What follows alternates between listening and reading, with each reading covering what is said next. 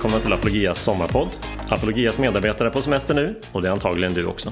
Så medan du tvättar bilen, dricker en iskaffe eller kanske letar efter dina fiskedrag så tänkte vi ge dig något intressant att lyssna på i form av smakprov på några av våra böcker. Den här veckan bjuder vi på ett smakprov ur Andy Bannisters bok Ateisten som miste för mycket och uppläsare, det är jag själv, Martin Helgesson.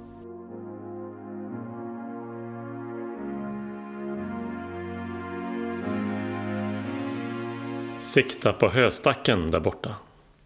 Eller varför psykologiska argument mot religion inte håller.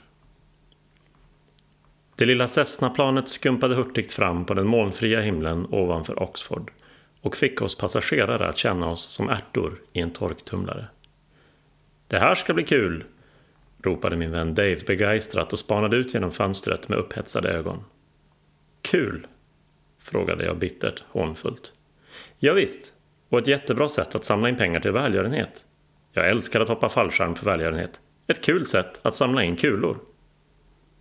Visst, dödskul, muttrade jag halvhögt. Hela mitt liv hade jag avhållit mig från att hoppa fallskärm eftersom jag känner en naturlig misstänksamhet mot alla sporter där framgång bygger mer på naturligt urval än på träning. Jag var inte ens säker på hur jag hade kunnat låta mig övertalas att göra det här.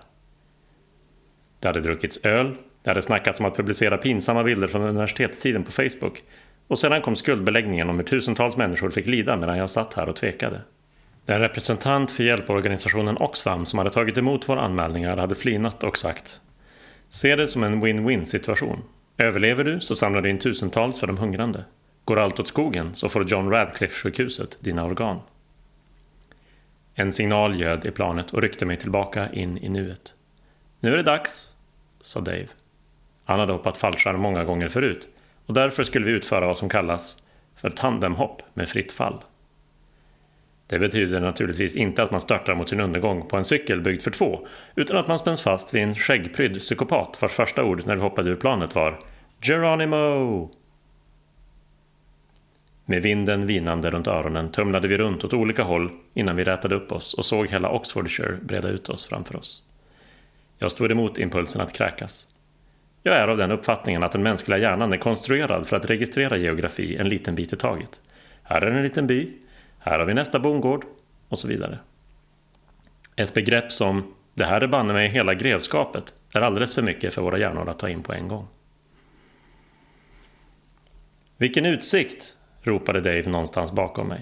Han tittade på sin klocka. En sådan där sinnrik pryl som berättar allt, utom vad klockan är. Tydligen hade den en sjunkhastighetsmätare. Kolla! ropade han. Vi har uppnått sluthastigheten. Har du någon gång funderat på hur djupt oroväckande det låter? ropade jag tillbaka. Bortsett från svindelkänslan, illamåendet och den rena skräcken så gick den delen av fallskärmshoppet bra. Utsikten var fantastisk, det måste man medge, och det framkallade helt klart en berusande känsla att flyga som en fågel. Även om fågeln i fråga sjönk som en berguv med betongstövlar. Okej, okay, ropade Dave. Det är dags att börja tänka på landningen. Jag siktar på höstacken där borta, ungefär i riktning klockan två. Ursäkta? ropade jag tillbaka. Vad sa du att du skulle göra? Jag ska sikta på höstacken där borta. Där nere på gärdet, bredvid kyrkogården. Jag vet att jag är nybörjare på det här, svarade jag så försynt jag kunde med tanke på rädslan och vinden som tjöt i öronen. Men borde inte en eh, fallskärm vara ett bättre alternativ? Fallskärm, fräste Dave tillbaka i samma tonläge som om jag hade sagt den dummaste sak i världen. Men snälla du, du är väl inte en sån där som tror på fallskärmar? Fallskärmar är för veklingar. Jag räknar mig gärna som vekling, medgav jag. Örnar flyger högt i skyn, men harar sugs inte in i flygmotorer. Det är mitt motto. Varför vill du ha en fallskärm? dundrade Dave. Hmm, låt mig fundera. För det första därför att det känns mycket bättre att bara kunna dra i utlösningslinan och glida ner till säker mark. Nu förstår jag ditt problem, ropade Dave tillbaka. Du har en psykologisk bindning som du bär på. Du menar min bindning till livet? Nej, nej, din syn på fallskärmar. Fallskärmar får oss helt klart att må bra, antagligen därför att vi är rädda för döden. Eller kanske därför att vi har lyckliga barndomsminnen av att se bilder på fallskärmar, eller att sätta fast dem på leksakssoldater och leka krig. Men bara för att någonting får oss att må bra innebär ju inte det att det är sant. eller hur? Såja, var hade vi den där höstacken nu igen? Psykologiska argument verkar förekomma överallt nu för tiden. Vi får höra att allt, våra politiska åsikter och fördomar, vilka vi älskar, vad vi köper, vilka lag vi håller på, kan förklaras utifrån vår uppfostran, våra förhoppningar och rädslor, vår psykologi. Eftersom psykologin är så allmänt utbredd är det inte konstigt att den även har letat sig in i debatten om Gud, där vissa ateister gärna vill hänvisa till psykologin för att bortförklara tron. Man menar att psykologin kan förklara både sekter och sex. En vän till mig berättar om hur hon en söndag satte sig i en taxi efter gudstjänsten. Chauffören kastade en blick på hennes bibel, log föraktfullt och drog sedan igång en lång tirad mot kristen tro. Tro är en psykologisk krycka, sa han grötmyndigt. Den är bara till för svaga, patetiska människor som inte har tillräckligt med självförtroende, mod och styrka att ta ansvar för sina egna liv. Eftersom min vän är brittiska, svarade hon artigt. Jaha, tack för det. Chauffören insåg nog att han just hade sumpat möjligheten att få lite dricks och försökte därför rädda sig med Varför ska en trevlig tjej som du behöva tro egentligen? Eller, som en amerikansk universitetsstudent en gång sa till mig du är engelsman och därför är du av naturen hämmad och dyster. Inte undra på att du väljer att tro på Gud. Det får dig helt enkelt att må bra. Påståendet att trosövertygelser kan förklaras av psykologi är en idé som brukar härledas till den österrikiske neurologen Sigmund Freud, som ju idag är mest känd som psykoanalysens fader. Vid sidan av sex var religion ett ämne som fascinerade Freud och enligt honom handlade allt om psykologisk projektion.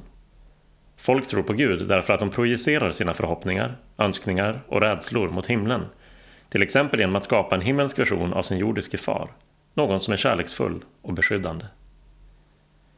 Vi är också rädda för döden och därför projicerar vi tanken på himlen och livet efter detta. Jag tror att du fattar. Det här är ett tema som nutida ateister ofta återkommer till.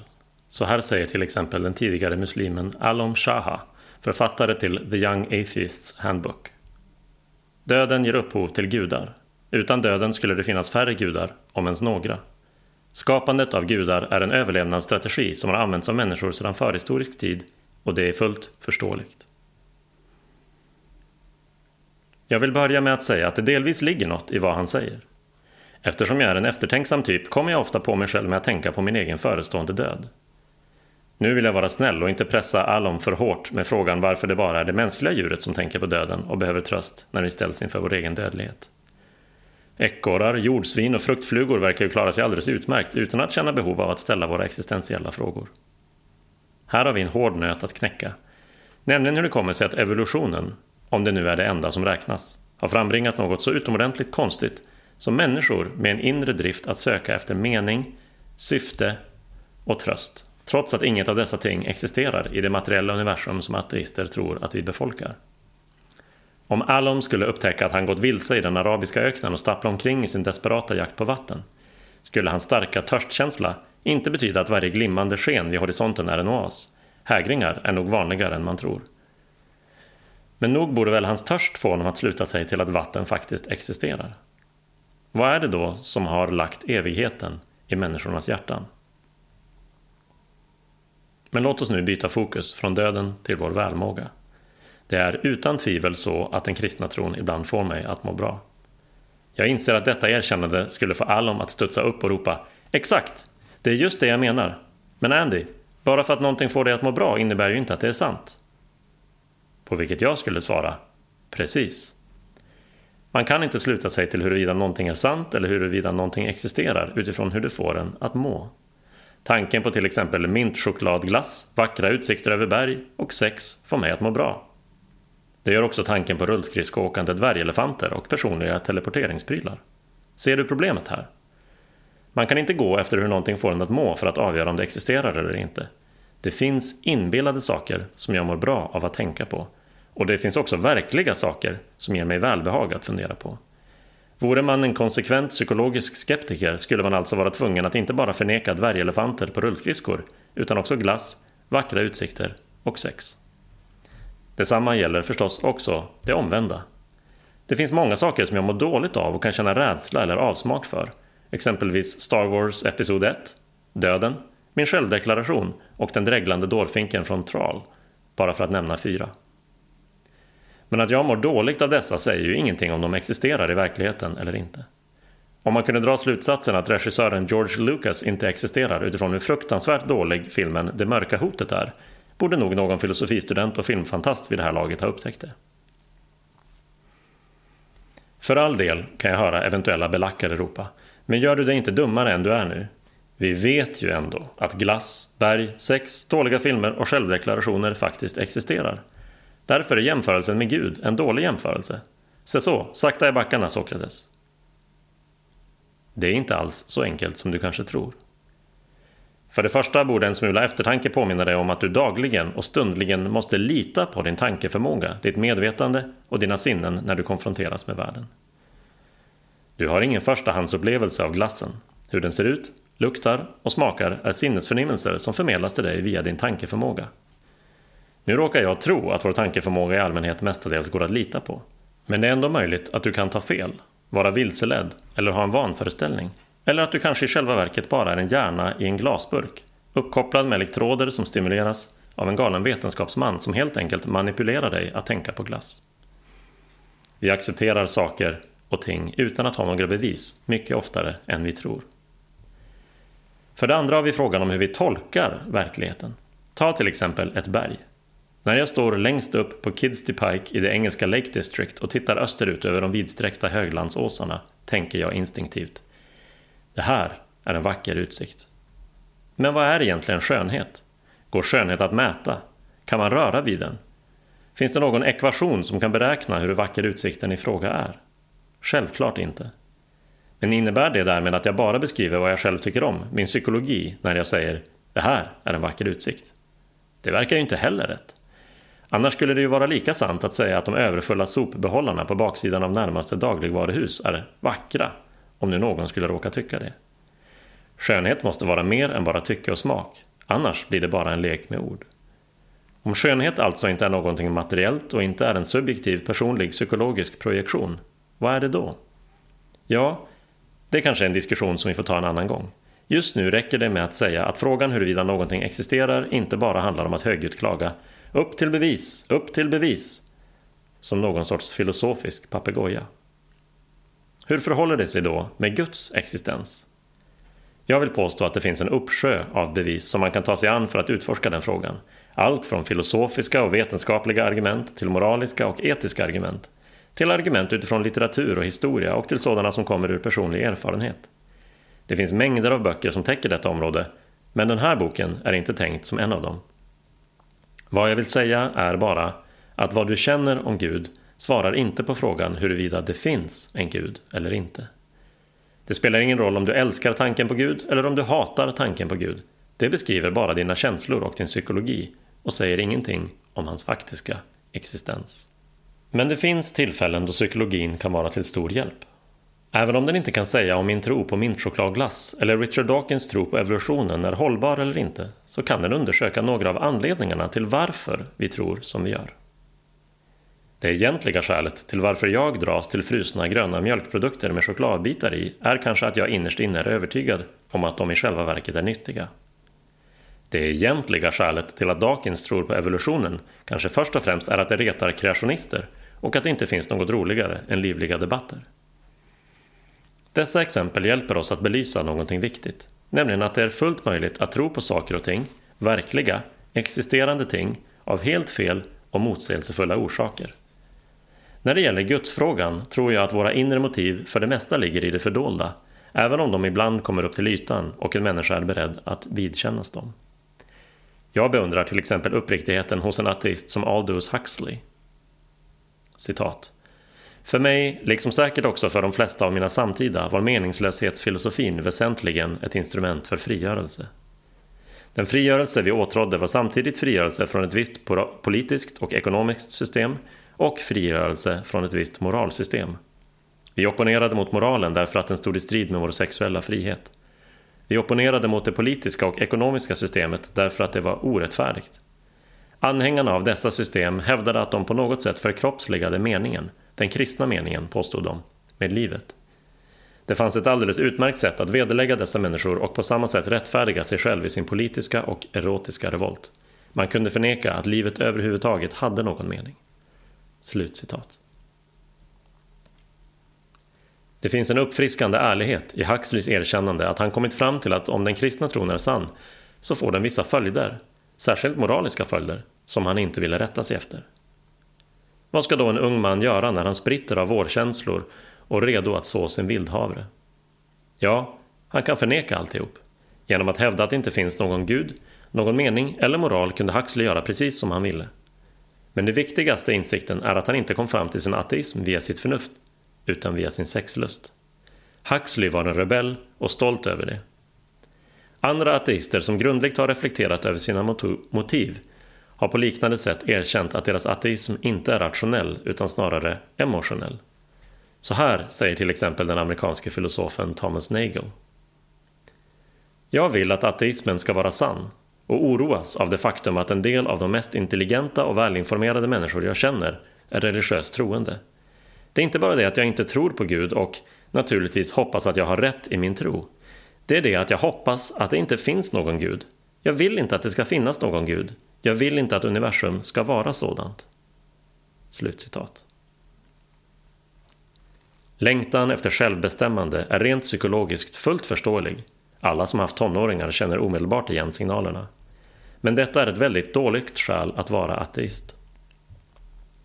Låt oss samtidigt vara ärliga och erkänna att kristna, både idag och genom historien ibland på liknande sätt har bekänt sin tro på Gud av helt fel skäl. Därför att det får mig att må bra, är ett bra exempel. Även om det skulle visa sig att tron på Gud får oss att må dåligt, bli deprimerade och oroliga, ja, även om varenda bibel skulle säljas ihop med ett paket Prozac skulle det inte ändra på om Gud finns eller inte. Men det finns beklagligt nog ännu sämre skäl att tro på Gud. Ibland har folk hakat på religionen därför att de har betraktat den som ett sätt att utöva makt, vilket Karl Marx en gång påpekade i följande välkända stycke. Religionen är de betryckta kreaturens suck, hjärtat hos en hjärtlös värld, anden i andefattigdomens tillstånd. Den är folkets opium. Slutcitat. På 1800-talet hade man ännu inte uppfunnit moderna bedövningsmedel och därför använde man sig ofta av opium som smärtstillande medel. Marx ville poängtera att det var precis så som religionen fungerade för de fattiga. Den lindrade smärtan och fick dem att glömma sin förnedring med löftet om att allt skulle bli bättre i det kommande livet. Ja, Marx hävdade att de välbeställda eliterna på det viset använde religionen som maktmedel och stillade de förtryckta med löften om himlen. Religionen kan också användas som ett redskap för social kontroll på andra sätt genom att man stöter ut dem som inte tänker rätt, alltså som du gör, så att man kan marginalisera dem. Om du som läser detta är ateist nickar du kanske instämmande. Men det finns inte stor anledning att vara självbelåten. Det är till exempel beklämmande att notera hur välbeställda köpmän och politiker under 1700-talet kämpade för att utestänga kristna missionärer från brittiska Indien av rädsla för att de skulle bibringa indierna den farliga tanken att alla människor är jämlika. Under 1900-talet kunde man se hur kommunismen, det ateistiska politiska system som Marx delvis lade den intellektuella grunden till, blev en mäktig utstötningsmekanism. Bara vi har sanningen därför att vi står på folkets sida. Idag ser vi en liknande tendens inom mycket av nyateismen, vars förespråkare älskar att demonisera, förlöjliga och marginalisera dem som inte tänker som de själva.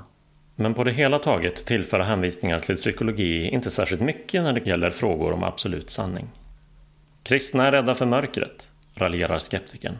Ateister är rädda för ljuset, replikerar kristna. Huruvida någon av anklagelserna äger giltighet eller inte är närmast av underordnad betydelse, för ingen av dem svarar på frågan vilken världsåskådning är egentligen sann? Ateismen eller teismen? Men det finns ändå kanske en sak som psykologin bidrar med som kan ge oss en ledtråd. Det har nämligen ofta slagit mig att om den kristna tron faktiskt bara är önsketänkande, en psykologisk projektion, då skulle de som har hittat på den ha rätt dålig fantasi. Hade jag uppfunnit en religion och hittat på en gudom från grunden har jag ett ganska bra hum om i vilken riktning jag skulle gå. Låt oss utgå från en gud som är långt borta och inte lägger sig i allt för mycket. Om man måste ha moralbud kan vi hitta på några som är lätta att hålla, gärna något i stil med Du ska inte peta med pinnar på jordsvin och Du ska icke torka kalsonger i brödrosten. Låt oss också se till att min à la carte-religion välsignar mig med friheten att lägga tid och pengar på vad jag vill, utan några som helst restriktioner. Låt oss slutligen klämma in ett löfte om en himmel med låga trösklar och full av vin, kvinnor och sång. En himmel som är öppen för alla som är lika goda som jag, men helst inte för folk som inte är, ja du vet, hyggliga människor eller som ser skojiga ut. Skulle jag uppfinna en religion fritt ur fantasin tror jag att det är ungefär vad jag, och misstänker jag de flesta, skulle satsa på. Men hur ser då den kristna tron ut? Det är en religion som gör anspråk på vårt hjärta, vårt förstånd och vår själ. Ta ditt kors och följ mig, sa Jesus. Ta mitt vad då? Antingen hade de första kristna verkligen behövt ett par reklamdirektörer och en expert på sociala medier bland apostlarna, eller så pekar själva svårighetsgraden, alltså hur kristen tro strider mot vår naturliga benägenhet att gyroskopiskt kretsa runt vårt eget jag, på något väsentligt. En av mina hjältar har länge varit den lutherske prästen Dietrich Bonhoeffer, som under andra världskriget greps och sedan avrättades av Tredje riket för att han tog ställning mot dem. Bonhoeffer hade en oroväckande förmåga att skriva texter som får mig att... En av mina hjältar har länge varit den lutherske prästen Dietrich Bonhoeffer, som under andra världskriget greps och sedan avrättades av Tredje riket för att han tog ställning mot dem. Bonhoeffer hade en oroväckande förmåga att skriva texter som får en att känna sig obehaglig till mods, som exempelvis följande. Om jag fick bestämma var man kan söka Gud kommer jag alltid att finna en Gud som motsvarar mig själv på något sätt, som är förbunden med min egen natur. Men om Gud fick bestämma var man kan söka honom kommer det att vara på ett ställe som inte är direkt angenäm för min natur och som inte alls behagar mig. Detta ställe är Kristi kors. Den som vill finna honom måste gå till korsets fot, så som bergspredikan uppmanar oss. Bonhoeffer betonar att den kristna trons hjärta inte ligger i föreställningen att det är vi som uppfinner, projicerar, skapar eller väljer Gud. Hade vi gjort det skulle vi ha haft en hemsnickrad Gud, en som var misstänkt lik oss själva. Ett säkert tecken på att du som troende har just det är att den Gud som du påstår dig tro på ägnar det mesta av sin tid åt att välsigna alla dina egna fördomar, begär och ambitioner.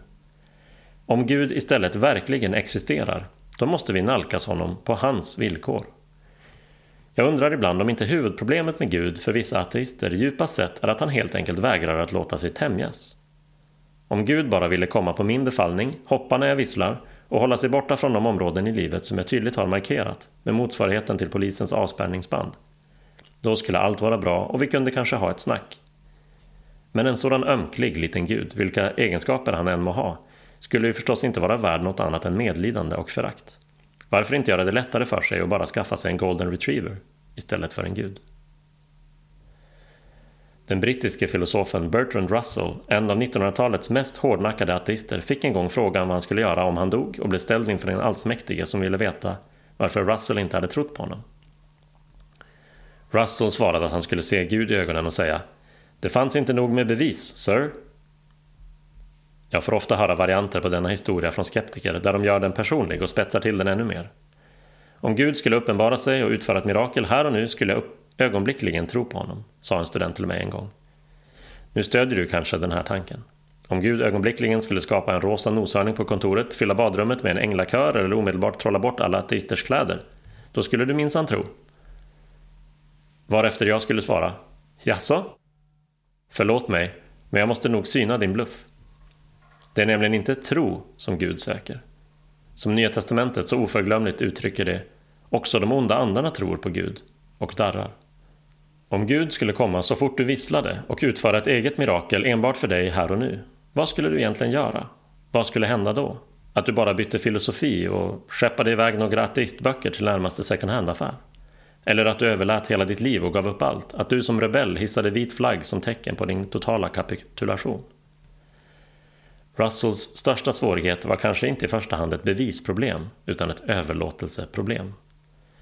Psykologin håller inte som vapen att angripa den kristna tron med. Men det betyder ju inte att den inte kan bidra till att påminna oss, som om vi behövde påminnas, om att människor är, ja, väldigt mänskliga.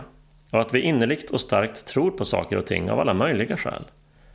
Vi har ofta väldigt blandade motiv och det vore bra om vi ärligt tänkte igenom dem, särskilt när det gäller våra djupaste övertygelser, begär och ambitioner.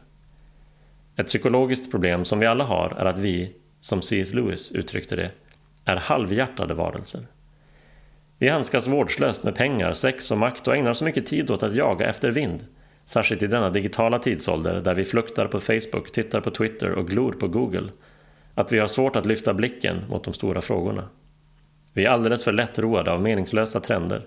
Precis som ett okunnigt litet barn som vill fortsätta baka lerkakor i slummen för att det inte kan föreställa sig vad ett erbjudande om en semester vid havet innebär. Om den kristna tron verkligen är sann utgör den historien om hur Gud erbjuder oss förvandlande förlåtelse, ändlös glädje och evig frid. Men det kostar oss någonting, nämligen, vår, nämligen vårt självbestämmande och vår stolthet. Säg gärna nej till kristen tro därför att du har granskat bevisen och kommit fram till att den är ogrundad. Men vänd inte ryggen åt den därför att du på ett djupare plan har gjort uppror och bara gömmer dig bakom ett fikonlöv av dåliga argument. För om ditt självbedrägeri sitter så djupt tror jag att du behöver något mycket starkare än vad den skickligaste psykolog kan erbjuda dig. Tack för att du lyssnade på Sommarpodden. Om du vill läsa resten av boken du just har lyssnat på, ge bort den till någon som borde läsa den eller bara ställa den i hyllan för syns skull, så hittar du den och alla våra andra böcker till ett bra pris på apologiaforlag.se. Apologiapodden är tillbaka med vanliga avsnitt i augusti. Ha en fortsatt skön sommar.